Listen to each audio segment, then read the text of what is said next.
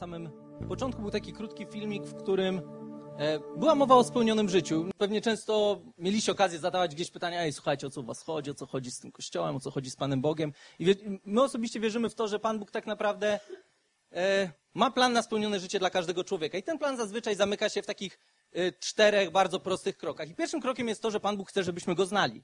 Chce, żebyśmy Go znali, żebyśmy nawiązali z Nim jakąś relację, żebyśmy powiedzieli, Boże, jeżeli gdzieś tam jesteś, to chciałbym Ciebie poznać. I to jest początek tego, co my nazywamy relacją z Panem Bogiem.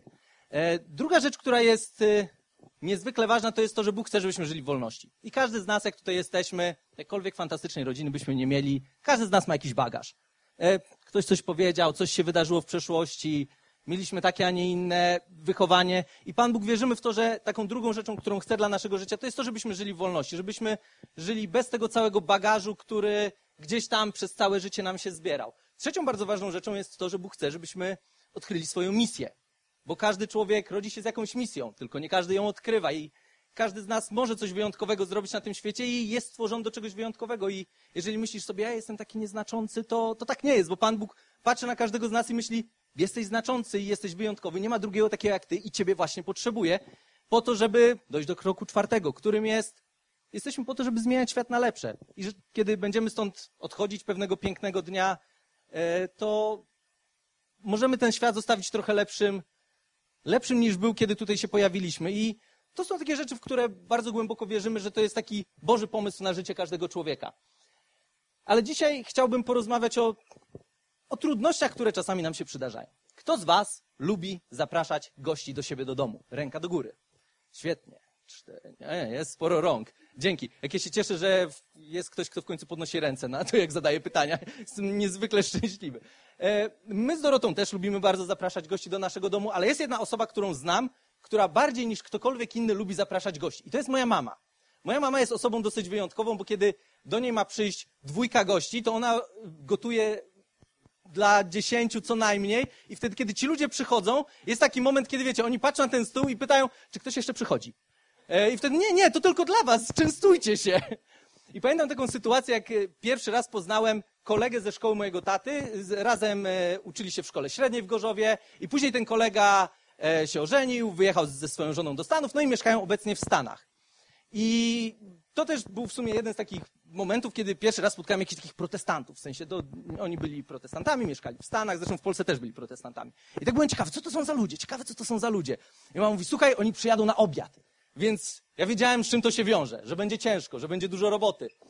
I moje zadanie podczas tego obiadu, przygotowania tego obiadu, polegało na tym, nie że gotowałem, ale mając elektryczną kuchenkę w domu, gdzie elektryczne były palniki, elektryczny był piekarnik, wszystko tam było elektryczne, wszystkie palniki śmigały, śmigał piekarnik i mama miała dla mnie specjalną misję. Stój na klatce, mieszkaliśmy w bloku i trzymaj te bezpieczniki, żeby ich ciągle nie wywalało. Bo tam co chwilę był taki moment, wiecie, bum, bum, bum. No, no nie, no nie ugotuję, nie ugotuję. Wiecie, na tym obiedzie byli moi rodzice, ja, brata akurat nie było, był w szkole i była dwójka ludzi. I to było wszystko. Ale impreza była tak przygotowana, że moim głównym zadaniem, bardzo odpowiedzialnym zresztą, było to, żebym stał, pilnował, żeby bezpieczników ciągle nie wywalało. Moja mama bardzo lubi być przygotowana na gości. Ona wręcz nie znosi tego, żeby na gości nie być y, przygotowaną. I doświadczyliśmy tego, kiedy. To było w zeszłym roku? W zeszłym roku. Przyjeżdżaliśmy e, niedaleko moich rodzinnych stron. I nie mieliśmy w sumie planu, żeby jechać do moich rodziców, ale tak w końcu się połapałem, że w sumie to my jesteśmy 20 kilometrów od domu, no to głupio by było mamie po powiedzieć, że jechaliśmy, odstawiliśmy znajomych na lotnisku w Berlinie, jechaliśmy do Wrocławia, no i akurat tam wystarczyło 20 kilometrów zboczyć. I tak jedziemy jeszcze na autostradzie w Niemczech i mówię yy, do Doroty, kochanie, no głupio by było do mamy nie pojechać. Musimy do niej pojechać, no bo ona nam tego nie wybaczy, jak się dowie, że przyjeżdżaliśmy tak blisko i że się nie zatrzymaliśmy. Więc zadzwoniliśmy do znajomych z Wrocławia, powiedzieliśmy, słuchajcie, dojedziemy do was jutro, bo zajedziemy jeszcze do moich rodziców. Zadzwoniłem do brata, dowiedziałem się, mówię, młody, czy są rodzice? Są, są, są. Gdzie są? Są na działce. Świetnie, to pojedziemy od razu na działkę i wchodzimy, uśmiechnięci, czekamy na to, wiecie, aż dywan się rozwinie. Mama będzie, jak ja się cieszę, że was widzę. I my się pojawiamy, a mama tak patrzy, co wyście zrobili? A my, my, prze, przepraszamy, może już pójdziemy. My, Mamo, co się stało? Ale ja nie jestem przygotowana. Mówię, mamuś, ale, ale my się cieszymy, że możemy być, najwyżej sobie coś zamówimy, jakkolwiek. Tak, ale wy nie powiedzieliście i nie mogłam ci zrobić gołąbków. Ja mówię, mamo, ale ja przeżyję bez gołąbków, naprawdę, bo zazwyczaj było tak, że jak przyjeżdżałem, to czekały na mnie ciepłe gołąbki, z mamy taki układ, że ona gotuje, ja jem, ja się cieszę jedzeniem, a ona się cieszy tym, że ja się cieszę. Więc y, no, no nie było gołąbków i był dramat. I naprawdę to było do tego stopnia dla niej przerażające, że my w którymś momencie tak mówiliśmy, mamo, jeżeli jeszcze raz zrobisz nam coś takiego, jak zrobimy ci niespodziankę, to nie będziemy robić niespodzianek, nie będziemy do ciebie przyjeżdżać, no bo my chcemy po prostu z tobą spędzić trochę czasu, a to czy będą gołąbki, czy nie, poradzimy sobie bez. I każdy z nas lubi w życiu być przygotowany na sytuacje, które jesteśmy, lubimy być przygotowani na sytuacje. Lubimy wiedzieć, że jeżeli coś się wydarzy, to ja będę miał na to plan. I nie wiem jak wy, może wy nie macie takiego problemu. Ja lubię ogólnie mieć kontrolę nad rzeczami, lub wiecie, jak jest łapa położona, to wiem, że rzeczy będą się działy tak jak chcę, ale jeżeli czasami na przykład jest sytuacja, kiedy kogoś muszę poprosić, no to najlepiej byłoby pójść samemu, no że każdy z nas wszystko zrobi najlepiej, o co prosi inną osobę. Ale smutna życiowa prawda jest taka, że zawsze zdarzy się coś, na co jesteśmy nieprzygotowani. I nie ma najmniejszych szans, żebyśmy przygotowali się na absolutnie wszystko.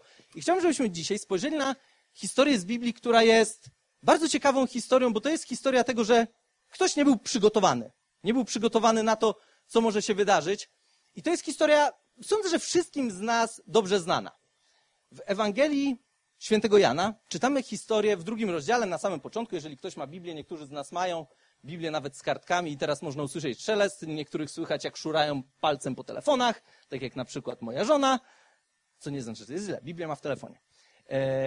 Jest tam historia, którą my znamy jako historia wesele, weselu w Kanie Galilejskiej. I historia jest bardzo ciekawa, bo jest ona zapisana tylko i wyłącznie w Ewangelii Jana. Z tych czterech ewangelistów, których mieliśmy, to wiecie, mniej więcej wyglądało tak, że cztery osoby gdzieś widziały w jakiś sposób życie Jezusa, ale każdy zauważał inne aspekty tego życia i spisali takie cztery wersje, z których jak złożymy to w jedną całość, to jest coś niesamowitego. E, I w Ewangelii Jana czytamy o weselu w Kanie Galilejskiej. Wydarzenie było o tyle wyjątkowe, że nie wiem na ile zwracamy uwagę na to, że wszyscy wiemy, co się tam wydarzyło. To nie jest tak, że ja wam teraz opowiem tą historię i powiecie, ja w życiu tego nie słyszałem. Wiecie, wiemy, co się wydarzyło. Co więcej, jak czasami rozmawiam ze znajomymi, to nawet są takie sytuacje, że e, jeżeli ktoś niekoniecznie jest zainteresowany Panem Bogiem, to mówi, ale to wesele w, wesele w Kanie to mi się podobało. Takiego Jezusa to ja też bym chciał. No wiecie, no, tutaj historia jest dosyć znana. I każdemu z nas się podoba, bo dobrze jest, kiedy jesteśmy na coś nieprzygotowani, żeby wydarzyło się coś, co nas wyratuje z trudnej sytuacji. I historia jest taka. Trzeciego dnia odbywało się wesele w Kanie Galilejskiej. Była na nim matka Jezusa. Jezus wraz z uczniami też został zaproszony. W pewnej chwili zabrakło wina. Wtedy matka Jezusa powiedziała do niego, nie mają wina. Jezus jej odpowiedział, rozumiem twoje zatroskanie, ale co mnie do tego, kobieto? Jeszcze nie nadeszła moja godzina. Wtedy jego matka zwróciła się do posługujących, zróbcie cokolwiek wam powie. A było tam sześć kamiennych stągwi ustawionych według żydowskich reguł czystości, każda mieszcząca około stu litrów wody. Jezus polecił, napełnijcie stągwie wodą. I napełnili je aż po brzegi. Wówczas powiedział, teraz zaczerpnijcie i zanieście staroście wesela. I zanieśli. Gdy starosta spróbował wody, która stała się winem, a nie wiedział skąd ono się wzięło, gdyż wiedzieli o tym tylko posługujący, którzy jej zaczerpnęli, zawołał pana młodego i powiedział: Każdy stawia najpierw dobre wino, a gdy goście sobie podpiją gorsze. Ty jednak dobre wino zachowałeś aż do tej pory. I w taki właśnie sposób w Kanie Galilejskiej Jezus dał początek znakom i ukazał swoją chwałę i sprawił, że uczniowie uwierzyli w Niego. Ta historia jest dla mnie mega ciekawa, bo czytając ją po raz kolejny, uświadomiłem sobie, że problem zaczął się wtedy, kiedy na weselu pojawił się Jezus z uczniami. Nie wiem, co ci uczniowie z tym winem robili, ale kiedy uczniowie się pojawili, to zabrakło wina. Nie wiem. To jest tylko jakieś, wiecie, tak, taka myśl mnie przeszła, że pojawiają się uczniowie, kończy się wino. I jest problem, no bo Głupio jest robić imprezę, naspraszać gości i później powiedzieć im, wiecie co, słuchajcie, to może skoczycie do żabki, bo, no, bo wino się skończyło, nie? Trzeba by jakoś sobie radzić. E, my też czasami mamy takie sytuacje, zresztą tutaj, no, Basia też poprosiła mnie, Jacek, wiesz co, słuchaj, jakbyś mógł, czy jesteś w stanie zorganizować widelce? No wiesz, będziemy mieli poczęstunek, czy jesteś w stanie zorganizować widelce? Jacek powiedział, tak, jestem w stanie. I na to Basia mnie dzisiaj pyta, Jacek, gdzie są te widelce? Mówię, ale są tacy fantastyczni ludzie jak y, Daniel, który po prostu widelce zorganizował, mógł pojechać i je kupić. oni nie mieli za bardzo sytuacji, żeby skoczyć teraz do sklepu i kupić wino. Nie było tak, że wiecie, wpadamy do supermarketu, organizujemy wino gdzieś tam po tajniaku, mówimy, ej, ty stary, świadek, wiecie, chodzi z tymi butelkami, nalewa, nalewa, mówi, o kurczę, skończyło się, ty słuchaj, Henik, weź skocz po to wino, weź zorganizuj coś. No nie, nie było za bardzo takiej opcji. I to, co się, co jest ważne w tym, żebyśmy w naszym życiu byli przygotowani na sytuacje, które są nieprzewidywalne, to jest czasami odrobina wiary w naszym życiu. I wiara jest tym, co w tej historii jest najpiękniejszą rzeczą. Bo pojawia się jedna osoba, która pomyślała, nie mam wina, ale wiem, że jest ktoś, kto jest w stanie pomóc. I najciekawsze jest to, że Maria, matka Jezusa, w życiu jeszcze wtedy nie widziała, żeby on zrobił jakikolwiek cud. To był pierwszy cud, który Jezus zrobił. Ona nigdy nie widziała jeszcze, żeby on zrobił cud. I na podstawie czego niby ona miała wiarę w to, żeby pójść do niego i mu powiedzieć, żeby w jakikolwiek sposób pomógł. Kojarzycie pewnie historię z Ewangelii Łukasza, kiedy anioł objawia się Marii, która e, jest dziewicą i mówi jej, że słuchaj, będziesz miała syna. Jak każda nastolatka, do której przychodzi anioł i mówi, że będzie miała syna, była, stwierdziła, oczywiście nie ma najmniejszego problemu. No nie. Anioł powiedział, zapowiadając narodziny Jezusa, powiedział do Marii takie słowa. Zajdziesz w ciążę, urodzisz syna, nadasz mu imię Jezus. Będzie on kimś wielkim, będzie nazwany synem Najwyższego. Da mu też Pan Bóg tron jego ojca Dawida. Będzie on królował nad domem Jakuba na wieki, a jego królestwu nie będzie końca. I później Maria doświadczała jeszcze kilku takich sytuacji, kiedy pojawiali się ludzie, i to jest bardzo związane ze świętami, które nadchodzą, bo pojawili się mędrcy, pojawili się e, pastuszkowie, pojawiały się różne osoby, i różne osoby mówiły różne rzeczy na temat Jezusa, które ogólnie sprowadzały się do tego, że on jest absolutnie wyjątkową osobą, która nie narodziła się przez przypadek, tylko jest specjalna misja właśnie dla niego przygotowana i on będzie tym, na którego wszyscy Żydzi czekali. On będzie zbawicielem świata. I jeżeli oczekujemy ratunku i oczekujemy zbawiciela, zbawiciel to innymi słowy mogłoby być ratownik, ktoś, kto uratuje ludzi od czegoś, e, no to pomyślała sobie pewnie, jeżeli to wszystko jest prawdą, to w takiej sytuacji on też może mnie, może uratować tą i tutaj jakkolwiek to by nie, było, nie zabrzmiało kolokwialnie, to Jezus uratował imprezę. Ale stało się to dlatego, że kiedy do Marii przychodzili ludzie i mówili jej na temat syna, którego ona będzie miała, to ona zrobiła jedną ciekawą rzecz. W drugim rozdziale Ewangelii Łukasza, zaraz po tym, jak ci pasterze powiedzieli wszystko, co usłyszeli na temat Jezusa, czytamy, że Maria zachowywała wszystkie te słowa w pamięci i w myślach łączyła je w całość. To, że w sytuacji, kiedy była jakaś potrzeba, Maria była gotowa na to, żeby w tej potrzebie zwrócić się do Jezusa, było przede wszystkim związane tym, tego jeszcze nie było. Jeszcze nikt pod krzesłami ty, takiej, takiej. Nie, nie ma problemu, ale to bardzo fajnie. Bardzo fajnie. E, posprzątaliśmy wczoraj podłogę. Nic się nie masz, jest okej. Okay. E, w tej sytuacji, kiedy Maria usłyszała różne rzeczy na temat swojego syna, który najpierw miał się narodzić, który później się narodził, to ona nie bardzo wiedziała, o co w tym wszystkim chodzi. No bo wyobraźcie sobie, jeżeli macie nastoletnią córkę, to wyobraźcie sobie nastoletnią córkę, jeżeli nie macie, to wyobraźcie sobie jakąś nastolatkę, którą znacie, do której przychodzi anioł, mówi, że będzie miała dziecko i, on, i ona ma to wszystko zrozumieć. Nikt tego nie zrozumie, nikt za bardzo nie mógł tego pojąć, ale jedna rzecz, którą Maria zrobiła, to jest to, cokolwiek usłyszała, przyjmowała z wiarą i mówiła, Panie Boże, może teraz tego nie rozumiem, ale wierzę w to, że to, co Ty mówisz do mnie jest prawdą i przez 30 lat ona to wszystko układała sobie w głowie, żeby zobaczyć, czy to będzie, czy to może połączyć jakoś w całość. I w liście do Rzymian apostoł Paweł e, pisze takie słowa krótkie, w dziesiątym rozdziale, w siedemnastym wersecie, że wiara rodzi się ze słuchania, a słuchanie przez słowo Chrystusowe. Kiedy Bóg do nas mówi, to nie jest tak, że od razu zmienia się cała rzeczywistość, chociaż czasami może tak być, ale czasami Bóg, Bóg chce do nas mówić i my wierzymy w to, że Bóg do nas mówi. Czasami może do nas mówić przez swoje słowo, czasami może do nas mówić przez drugą osobę, która na przykład y, odezwie się do mnie i powie, słuchaj, wydaje mi się, że jesteś w takiej sytuacji, krótko po tym, jak się o mnie pomodliła. I Pan Bóg chce do nas mówić. Wierzymy w to, że to nie jest tak, że tylko to jest tak, jak trochę Tadeusz wspomniał, że jest, wiecie, jednokierunkowe, ja coś mówię do Pana Boga, on tam sobie siedzi, słucha i tyle. Pan Bóg chce do nas mówić, chce, żebyśmy go słyszeli i chce, żeby to, co on do nas mówi, w naszym życiu spotkało się z wiarą. A wiara polega, polega w tym przypadku na tym, że Maria uwierzyła w to, że Jezus jest absolutnie wyjątkową osobą, że On jest zbawicielem jest ratunkiem dla całego narodu Izraela, więc dlaczego nie miałby nie pomóc w tak prostej rzeczy, jak impreza? I ciekawe jest to, że czasami wielu z nas mogłoby sobie pomyśleć, ale ja nie będę Panu Bogu zawracał gitary takimi trywialnymi rzeczami, jakie dzieją się w moim życiu. Bo czasami problemy mamy takie, wiecie, raz są większe, raz są mniejsze, oby były tylko te mniejsze. E, ale przy tych mniejszych często myślimy sobie, a przecież sobie poradzę. E, Pan Bóg jest zainteresowany każdym problemem, który jest w naszym życiu, kiedy On spotka się z wiarą i spotka się z tym, że my przychodzimy do Boga i mówimy, Boże, ja wierzę w to, że Ty możesz coś uczynić. I wielu ludzi myśli, że Bogu można się podobać wtedy, kiedy my coś robimy. A kiedy przyszedł Jezus, to On pokazał, że Bogu w ogóle nie chodzi przede wszystkim o tym, co my robimy, choć dla Niego jest to ważne, jakim życiem żyjemy, ale przede wszystkim pierwszą rzeczą jest to, że Bogu zależy na tym, w jaki sposób my podchodzimy do Niego i czy w Niego wierzymy, czy nie i na podstawie tej wiary, czy żyjemy tak, jak ta wiara wskazuje. I mówiąc tutaj o wierze, to jest tak, że ktoś mi mówi, że Bóg jest dobry, to ja się zachowuję tak, jakby Bóg był dobry. Jeżeli ktoś mi mówi, że Bóg wysłuchuje modlitw, to ja się modlę do Boga, wierząc w to, że On będzie wysłuchiwał tych modlitw. I w liście do Hebrajczyków w 11 rozdziale, w 6 wersecie czytamy takie zdanie, że kto przychodzi do Boga, musi uwierzyć, że Bóg istnieje i nagradza tych, którzy go poszukują, a chwilę wcześniej jest napisane o tym, że bez wiary nie można podobać się Bogu.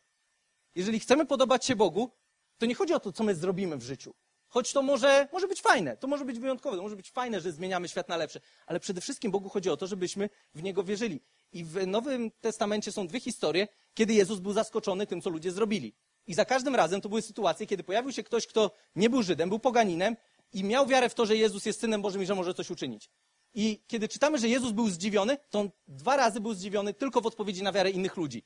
Pomyślał sobie, kiedy, być może kojarzycie historię, to też jest z Ewangelii Jana, kiedy setnik wysyła po Jezusa, żeby Jezusa przyprowadzono do jego dziecka, do jego sługi, który, który choruje, jest umierający.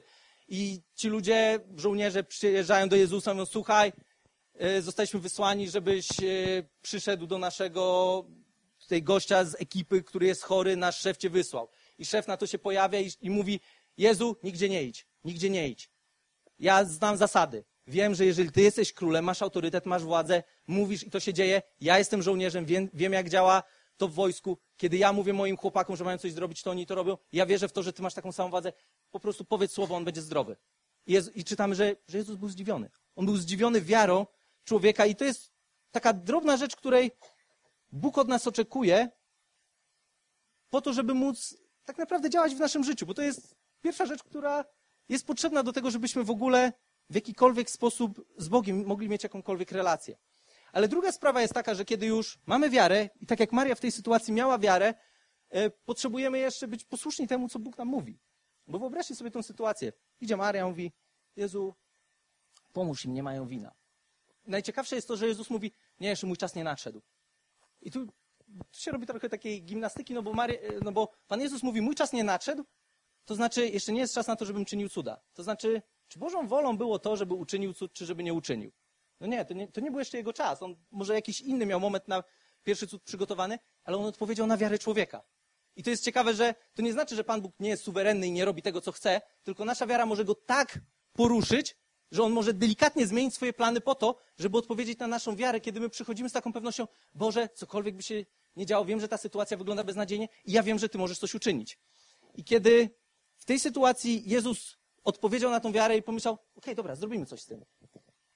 Maria powiedziała, chłopaki, idźcie za nim, cokolwiek powie, róbcie to. To nie było tak, że Jezus powiedział, coś zrobię. To ona powiedziała, wy idźcie, on wam coś powie. Ja jestem pewna, że w końcu pomoże w tej trudnej sytuacji. I kiedy oni poszli, to usłyszeli, słuchajcie, napełnijcie stągwie wodą i zanieście tą, zaczerpnijcie i zanieście to staroście weselnemu.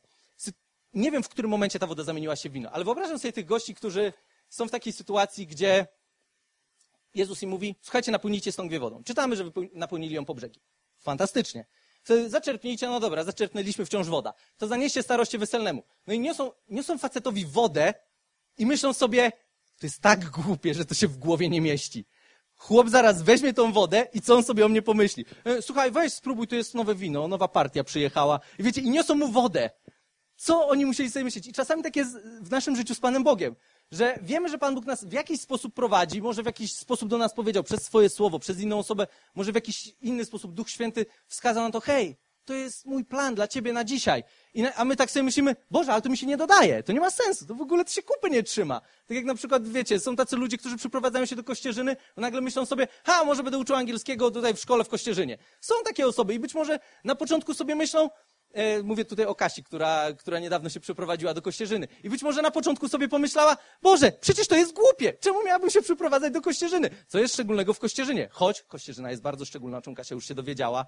To jest mityczna kraina dla wszystkich mieszkańców Trójmiasta, do której się przyjeżdża po to, żeby pojechać nad jezioro albo na weekend. To jest bardzo wyjątkowe miejsce.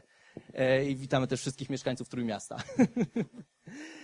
Ale czasami tak jest, że w naszym życiu wiemy, że coś jest właściwe, wiemy, że dobrze byłoby to zrobić, ale myślimy sobie, a to jest bez sensu. I nie wiem jak wy, ja lubię, kiedy rzeczy mają sens. Ja bardzo lubię, kiedy w moim życiu rzeczy mają sens i jestem sobie w stanie zaplanować kilka kroków naprzód, ale w jednym z psalmów czytamy, że Boże Słowo jest pochodnią dla naszych stóp. I kiedy, nie wiem na ile chodziliście w życiu z pochodniami, no ale okej, okay, zostańmy przy latarce, żeby było bardziej współcześnie. Jak idziemy z latarką czołówką, która jest y, ustawiona, żeby się nie kopnął w coś, co będzie przede mną i idę na przykład po lesie, to ona nie rozświetla mi od razu całego lasu. Ona mi rozświetla zazwyczaj kilka kroków, które są przede mną, albo jakiś jeden pojedynczy krok. Z pochodnią jest jeszcze trudniej niż z latarką czołówką, bo ona robi jakąś tam aurę dookoła i tyle. I to nie znaczy, że ja nagle w tym lesie będę widział cały las, ale to znaczy, że będę wiedział, jaki postawić kolejny krok. I czasami tak jest w naszym życiu z Panem Bogiem, że On oczekuje od nas tego, żebyśmy wiedzieli, gdzie postawić kolejny krok, i później kolejny, i później kolejny, i w ten sposób często Bóg nas prowadzi, pomimo tego, że my z każdym krokiem myślimy sobie, to jest jeszcze bardziej bez sensu, niż mi się wydawało na samym początku, ale kiedy dochodzimy do pewnego momentu i obracamy się wstecz, to myślimy sobie, Boże, to jest niesamowite, jak mnie prowadziłeś. I jest taki mądry, był taki mądry człowiek, Steve Jobs. Kojarzy z was Steve'a Jobsa? Jakbym powiedział, że chłop miał ciężkie życie, to nikt z was nie uwierzy, ale chłop miał ciężkie życie, zanim odniósł spektakularny sukces. I patrząc na swoje życie z perspektywy sukcesu, który odniósł i tego, jak po drodze różne rzeczy działy się w jego życiu, włącznie z tym, że wyrzucono go z jego własnej firmy, powiedział takie słowa. Nie możesz połączyć kropek patrząc do przodu. Możesz je tylko połączyć patrząc wstecz. Musisz więc uwierzyć, że kropki w jakiś sposób połączą się w twojej przyszłości. I kiedy my patrzymy na swoje życie, to czasami ono może nam się wydawać, czemu to mi się wydarzyło, czemu tamto mi się wydarzyło, po co jest to, po co jest tamto. I my w danym momencie możemy nie być w stanie połączyć tych kropek i pomyśleć sobie, a dlaczego moje życie dzisiaj wygląda i dlaczego musiałem przejść przez to wszystko, przez co przeszedłem. Ale kiedy ufamy Bogu, tak jak zrobili to ci ludzie, którzy mając totalnie bezsensowne zadanie na zasadzie zanieście wodę chłopowi i powiedzcie mu, że to będzie wino, uwierzyli i później dopiero zobaczyli, jak, w jak wyjątkowym wydarzeniu oni wzięli udział. Bo tak naprawdę, ja sądzę, że każdy z nas chciałby móc w jakiś sposób zapisać się na kartach Biblii. I są jacyś ludzie, których nie znamy imion, ale oni zapisali się na kartach Biblii, bo mieli, bo zaufali temu, że no okej, okay, dobra, skoro miałem słuchać Jezusa, to posłucham Jezusa, jakkolwiek dziwne by mi się to nie wydawało. I kiedy patrzymy wstecz, tak jak w tej piosence też, którą śpiewaliśmy na początku, to, to jest tak, że nagle patrzymy i Boże, ja powoli zaczynam widzieć, jak te wszystkie kropki się łączą. Bo być może sytuacja, która mi się przydarzyła, i która była dla mnie mega trudna, jest czymś, co ja mogę teraz użyć, żeby pomóc innej osobie, która jest w trudnej sytuacji. Być może ja kiedyś potrzebowałem pocieszenia i o tym Biblia też nam mówi, że my doświadczamy od Boga pocieszenia nie po to, żebyśmy byli pocieszeni, ale po to, żeby pocieszać innych. I dlatego dobrze jest patrzeć wstecz i patrzeć na to co jakiś czas, nie żeby, wiecie, załamywać się tym, jak było ciężko, tylko czy to już ma sens, czy to już się układa. Boże, czy ja to, co się wydarzyło w mojej przeszłości, mogę w jakiś sposób wykorzystać do tego, żeby lepiej żyć w teraźniejszości, żeby mieć jeszcze większy wpływ na przyszłość, którą ty przygotowałeś. W sumie najważniejsza rzecz, która w tej historii się wydarzyła, ona powinna być na samym początku, ale zostawiłem na koniec. Jezus był w ogóle zaproszony na imprezę. I to jest, to jest dosyć kluczowe. Bo to wszystko by się nie wydarzyło. Nie, nieważne, kto ile miał wiary. Nieważne, kto był posłuszny temu, co, się, co, co Jezus powiedział, bo gdyby Jezusa tam nie było, to w ogóle nic by się nie stało. To, nie było, to, to by nie było imprezy, po prostu wino by się skończyło i tyle. Dobra, słuchajcie, żabka zamknięta, idźcie do domu. I wiecie, wszyscy ludzie by wrócili, by pomyśleli sobie, co za przypał. Niekoniecznie spotkało się z jakąś empatią, o jejku, tak nam przykro, że akurat skończyło wam się wino. I wszystko było związane z tym, że był tam Jezus i że ktoś, nie wiem dlaczego, powiedział, dobrze byłoby zaprosić Jezusa. Najlepsze jest to, że Jezus, tak jak wcześniej mówiliśmy, on jeszcze nie zdążył uczynić nic wyjątkowego. Do tego momentu on był świetnym nauczycielem, zebrał już sobie uczniów i to było to, kim był Jezus. I ludzie wierzyli w to, że coś wyjątkowego się wydarzy, ale oni jeszcze nic nie widzieli, ale pomyśleli, zaprośmy Jezusa na wesele. I spotkało to się z tym, że kiedy to wino zostało dostarczone, czy woda zamieniła się w wino, facet spróbował i był w kompletnym szoku. Powiedział, stary, ja znam zasady. Najpierw dajesz wino które jest najlepsze, po to, żeby wszyscy najlepszym winem mogli sobie imprezę rozkręcić, a później daje im byle co, bo już nie będzie dla nich robiło znaczenia. I zaskoczyłeś mnie tym, bo to, co ty mi teraz dajesz, jest dużo lepsze od tego, co dałeś na początku. I wyobraźcie sobie, jakie to musiało być wino, wiedząc o tym, że na początku zazwyczaj ludzie dają dobre. Jeżeli tamten gość na początku dał dobre, to Jezus mu dał, nie wiem, wyrąbiste. Nie wiem, jakie to było wino. To było jakieś ultra, po prostu mega wino, które, które Jezus uczynił i to pokazuje nam pewną prawdę o Bogu. Tą prawdę, która też pojawiła się w tym filmiku na samym początku. Jezus powiedział, że On przyszedł po to, abyśmy mieli życie. W tym konkretnym wersecie nazwał nas owcami. Czujmy się jak chcemy. Jezus powiedział, ja przyszedłem po to, żeby moje owce miały życie. Ja jestem dobrym pasterzem. Ja przyszedłem po to, żeby owce miały życie. Ale nie, żeby miały jakieś tam życie. Nie, żeby miały wymęczone życie. Nie, żeby miały pieskie życie. No bo jak owca może mieć pieskie życie? Przyszedłem po to, żeby moje owce miały życie i miały to życie w obfitości. I kiedyś pozwoliłem sobie sprawdzić, co znaczy słowo obfitość, e, to greckie, które tam jest użyte w tym konkretnym miejscu. I to słowo dosłownie oznacza więcej niż jest potrzebne. I z obfitością to jest tak, że wiecie, jak mamy szklankę z wodą, to w którym momencie ta szklanka jest pełna? Ta szklanka jest pełna wtedy, kiedy z niej zaczyna się wylewać. Nie wtedy, kiedy zostaje tam jeszcze kawałeczek, bo jeżeli można coś do niej dolać, to znaczy, że ona nie jest jeszcze do końca pełna. Więc to, że szklanka jest pełna, że jest obfita, możemy poznać po tym, że z niej zaczyna się wylewać. To znaczy, że Bóg chce dla nas takiego życia, w którym będziemy mieli więcej niż nam jest potrzebne. I nie mówię tutaj o tym, że to muszą być dobra materialne, że wiecie, wszyscy będziemy jeździć nie wiadomo jakimi samochodami. Nie, nie. Bóg nam da tyle, żebyśmy my potrzebowali do życia, które wiedziemy i żeby mieć jeszcze na tyle dużo, żeby móc swobodnie pomagać innym ludziom, którzy są wokół nas. I po to my mamy więcej w życiu. Po to Bóg przygotował obfitość dla naszego życia. Nie po to, żebyśmy my się cieszyli tym, że ha, ale fajnie, jestem, żyję obfitym życiem, jestem taki szczęśliwy, jest tak fantastycznie. Bo co z tego, że ja będę szczęśliwy, jeżeli ludzie wokół mnie są nieszczęśliwi? Ale jeżeli ja żyję obfitym życiem, to sprawia, że to wszystko, co Bóg mi daje, przelewa się też na innych ludzi. Mogę im pomagać, mogę im pomóc swoim czasem, którego mogę mieć jakiś nadmiar, mogę pomóc im swoimi finansami, których też może czasami może myśleć sobie, no okej, okay, może nie wystarczy, a może jestem w stanie komuś pomóc, bo ktoś ma mniej. I to jest życie, do którego zaprasza, Jezus zapraszał każdego człowieka. Jezus nie chodził tylko i nie straszył ludzi. Słuchajcie, musicie robić dobrze, bo jak nie będziecie robić dobrze, to będzie źle. No wiem, że jak nie będę robił dobrze, to będzie źle. Ale Jezusa misją było to, uwierzcie w to, kim jestem i kiedy pójdziecie za mną, to nie wiązało, to nie znaczyło, że wszystko zawsze będzie idealnie, że nie będziemy musieli zmieniać naszego życia, bo nasza wiara sprawia, że my chcemy żyć innym życiem. Bo kiedy widzimy, co Jezus uczynił dla nas, to, chcemy, to zazwyczaj każdy z nas, który już doświadczył tego w jakiś sposób, myśli sobie, ja chciałbym żyć tak, żeby się Jezusowi po prostu podobać. Bo On tyle dla mnie dobrego zrobił, że mi zależy na tym, żeby moje życie było takim, na które Jezus spojrzy i tak jak jest też znana postać w Biblii Hiob, Bóg spojrzał na Hioba i, powie, i powiedział jednemu z aniołów, który się kręci, czy widziałeś mojego hi sługę Hioba? On, był, on jest tak wyjątkowy, jest nieskazitelny. Bóg nie chce, żebyśmy byli nieskazitelni, bo się go boimy, tylko żebyśmy byli nieskazitelni, jakkolwiek nasze życie później będzie różne, ale chce, żebyśmy dążyli do doskonałości dlatego, że znamy Jego i że to wynika z naszej relacji z Nim przede wszystkim, a nie z tego, że my chcemy relację z Nim budować na tym, co robimy. I być może sobie myślisz, no dobra, ale ja nie, wiem, nie organizuję wesela w najbliższym czasie, raczej to nie będzie problemem. E, I też może niekoniecznie mamy jakieś trywialne problemy dzisiaj. Może mamy mega ciężkie problemy w swoim życiu i czasami tak jest, że co by nie było, raz będzie, raz problemy będziemy mieli takie sobie, a raz będą problemy bardzo przytłaczające. I w tym wszystkim Bóg chce być częścią naszego życia po to, żeby być też odpowiedzią na te problemy, które się zdarzą. I jeżeli czasami możemy sobie myśleć, że no ale moje problemy to już są takie, że nikt, by, nikt by sobie z nimi nie poradził. Czytałem niedawno o człowieku, który się nazywa Viktor Frankl. Viktor Frankl był gościem, który e, przeżył prawie cały XX wiek. Urodził się w Austrii. Był Żydem. Wiązało to się z tym, że kiedy była II wojna światowa, wylądował w obozie koncentracyjnym w Oświęcimiu. I w tym i dzisiaj Wiktora Frankla ludzie pamiętają z tego, że był on jednym z najbardziej wybitnych psychologów XX wieku.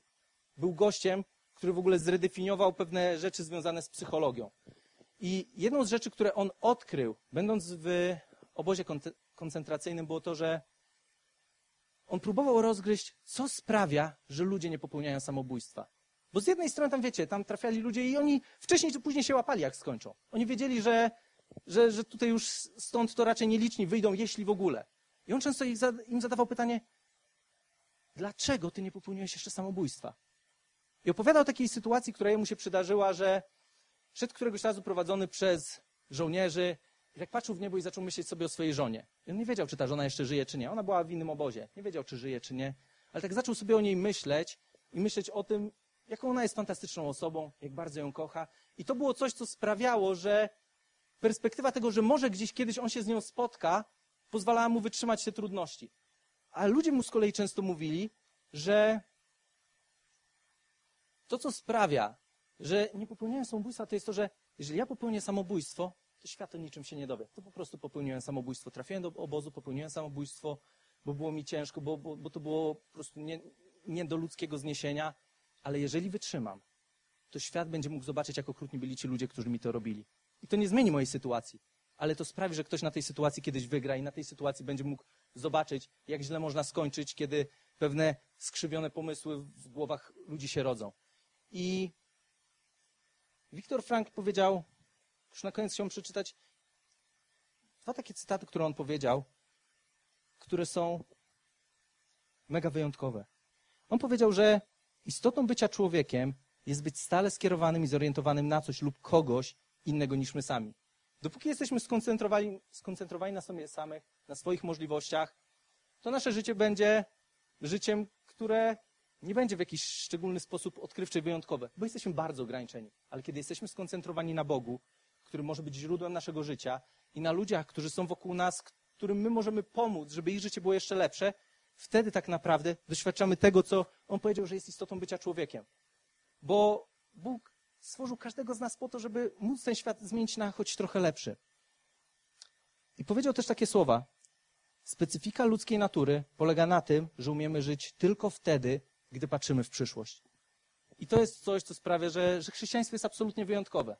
Bo chrześcijaństwo to nie jest tylko tu i teraz, choć piękne jest to, że możemy mieć marzenia odnośnie naszej przyszłości. Piękne jest to, że też tak jak na tym filmiku na początku było, pojawił się tam ten taki tekst, że Bóg ma przygotowaną dla nas przyszłość. To jest księgi Jeremiasza.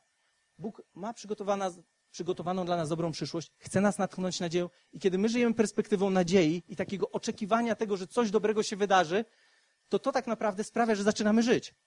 Bo jeżeli koncentrujemy się tylko na tym, co jest tu i teraz, na tym problemie, jeżeli na nie wiem, weselu kończy się wino, jeżeli jestem w trudnej sytuacji w pracy, jeżeli znajomi się ode mnie odwrócili, jeżeli cokolwiek się dzieje, jeżeli skupiam się tylko na tym problemie, to moje życie nigdy nie będzie spełnione. Ale kiedy w tym problemie spojrzę do przodu i pomyślę sobie, może to teraz wygląda kiepsko, ale tam gdzieś z przodu jest dla mojego życia przygotowane coś wyjątkowego, to sprawia, że w naszym sercu pojawia się nadzieja.